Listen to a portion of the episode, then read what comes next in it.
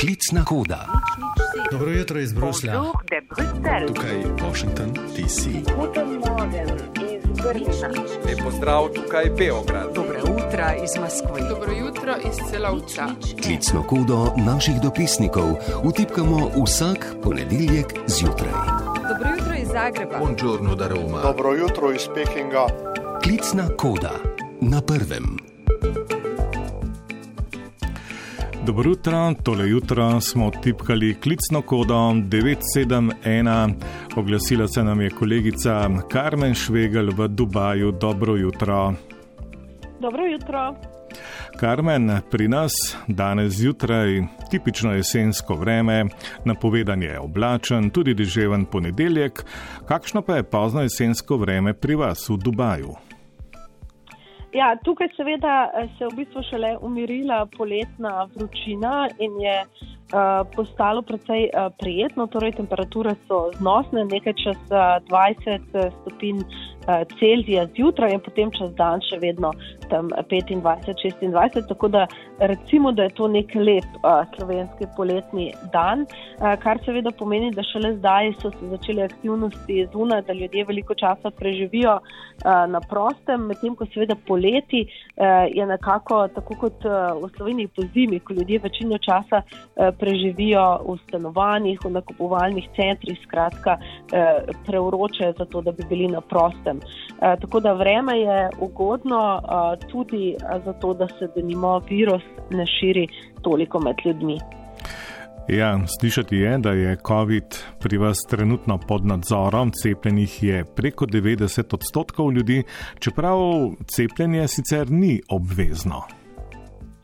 Uh, tako je. Uh, torej, uh, kot rečeno, uh, pozna se v bistvu, da zdaj ljudje veliko časa preživijo na prostem, uh, kar pomeni, da se ne zadržujejo v manjših uh, prostorih, kjer bi se virus uh, hitro uh, širil. Uh, tako da je pandemija pod nadzorom, cepljenih je ravno, kar sem preverila, celo uh, 96 odstotkov ljudi že. Uh, tako da seveda cepljenje ni obvezno, je pa po drugi strani res, da človek ne more nikamor skoraj, če ni cepljen.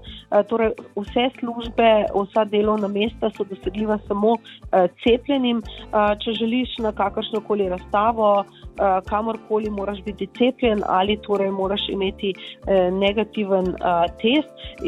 Vsi delodajalci pa kot rečeno torej zahtevajo, da so ljudje cepljeni tudi v nekaterih. Um, območjih, kjer ljudje živijo, torej kjer so nastanjeni delavci, zahtevajo, da so ti uh, cepljeni, ker seveda živijo um, v manjših uh, prostorih, kjer je ne mogoče vzdrževati torej varno socialno razdaljo. Tako da ta precepljenost zagotovo pomaga.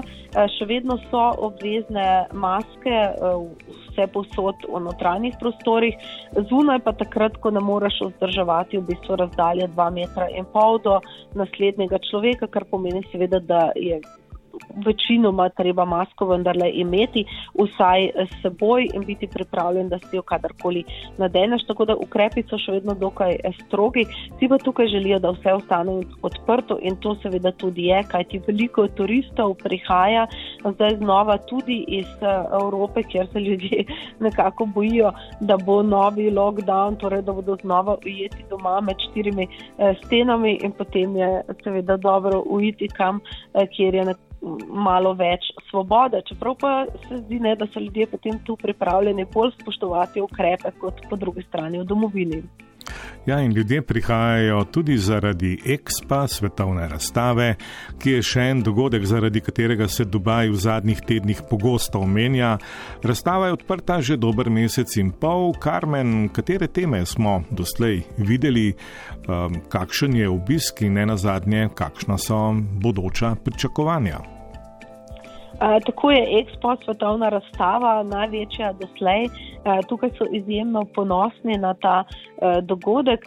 Seveda jim je pandemija zagodla, kajti pričakovali so 25 milijonov obiskovalcev, 19 milijonov naj bi jih prišlo iz azijskih držav.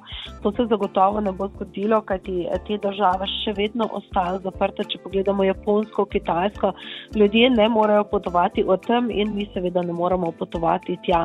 Tako da to pomeni, da bo obisk na razstavi bistveno manjši, predstavljajo zdaj tudi virtualno, kar pomeni, kar pomeni da se je mogoče virtualno sprehoditi po a, paviljonih, ampak vendarle to seveda ni e, isto. Tako da prvi mesec oktobra, ko se je odprla razstava, so stavili na domačine. A, javni uslužbenci so dobili kar šest prostih dni, da bi si lahko ogledali razstavo. Veliko šolskih avtobusov smo videli, ki so sistematično e, seveda e, dovažali šolarje, da so si razstavo ogledali. Tako da obisk je na začetku bil kar. E, velik, veliko domačinov torej je prišlo in si ogledalo razstavo, zdaj je nekoliko upadel, kajti zdaj seveda so potrebni turisti, ki bi prišli.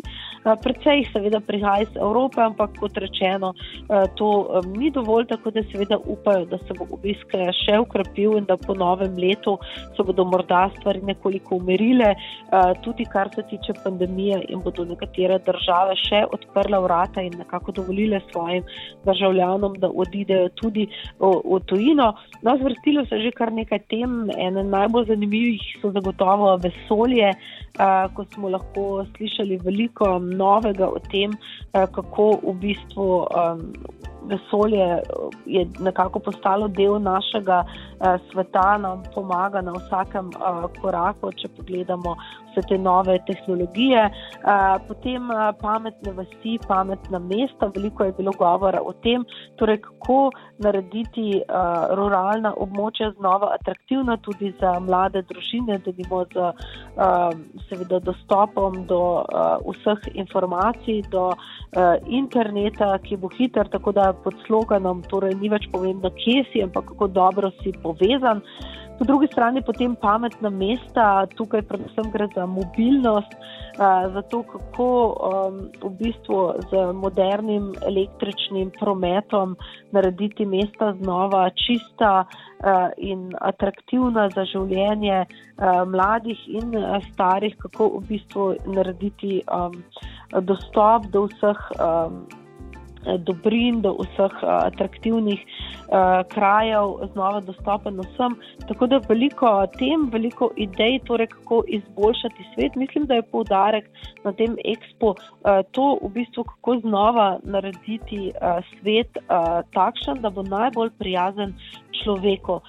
Torej, da vse inovacije, ki so tam, so zato, da naredijo nam življenje boljše, lepše, bolj čisto, da ohranimo planet za torej naše zanamce in da je to nekako tema, kako to moderno tehnologijo uporabiti nam v prid, da bo življenje boljše.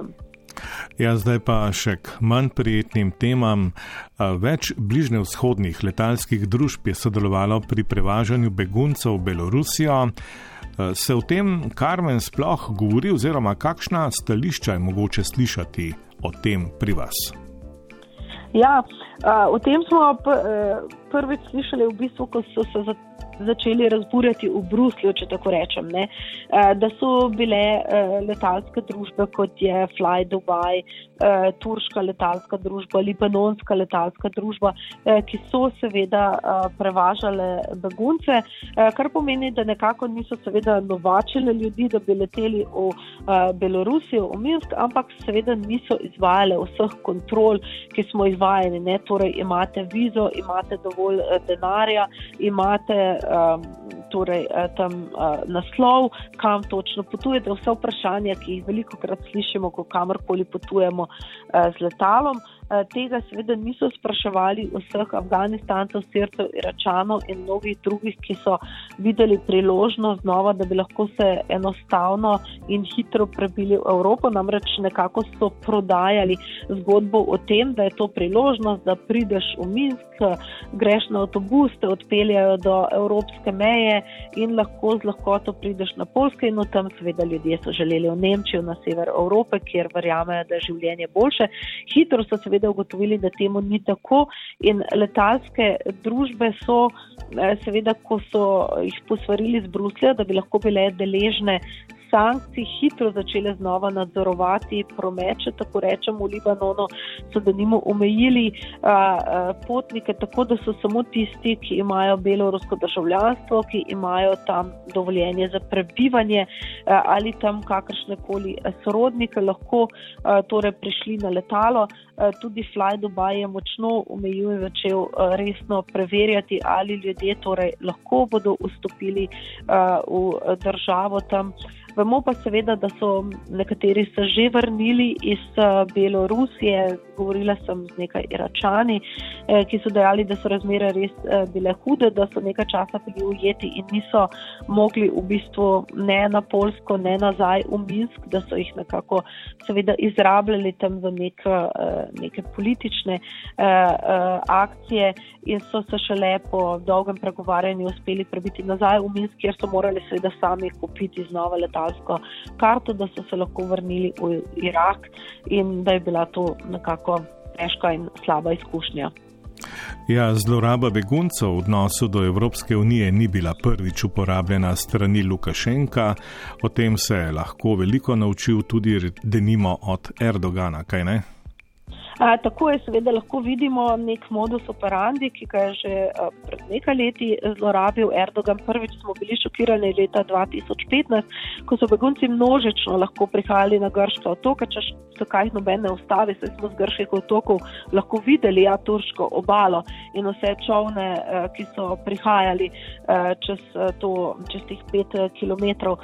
Seveda smo potem lahko ugotovili, da je to bilo nekako namerno, a, da je tamkajšnja obala obalna straža imela navodila, da ji ni treba ustavljati teh beguncev. Kasneje smo znova dve, tri leta eh, lahko eh, videli, da so begunci množično prihajali torej na eh, kopensko mejo med eh, Turčijo in Grčijo, ko so jih dejansko z avtobusi privažali Afganistance, Sirte, cele družine in prav so zbirali družine, da bi to bili ljudje z otroci, ki bi pritiskali na meje, torej ne samo mladi moški. Eh, in so te begunce seveda Erdogan zlorabljal za doseganje dosego svojih ciljev v nekih pogajanjih z Evropsko unijo za več denarja, več pravic eh, za turske, turške državljane in to je Lukašenko, kot smo lahko zdaj videli, v bistvu eh, s pridom uporabil in eh, zlorabil po istem principu, da bi seveda dosegel ukinitev sankcij, ki jih je Evropska unija uvedla proti Belorusiji.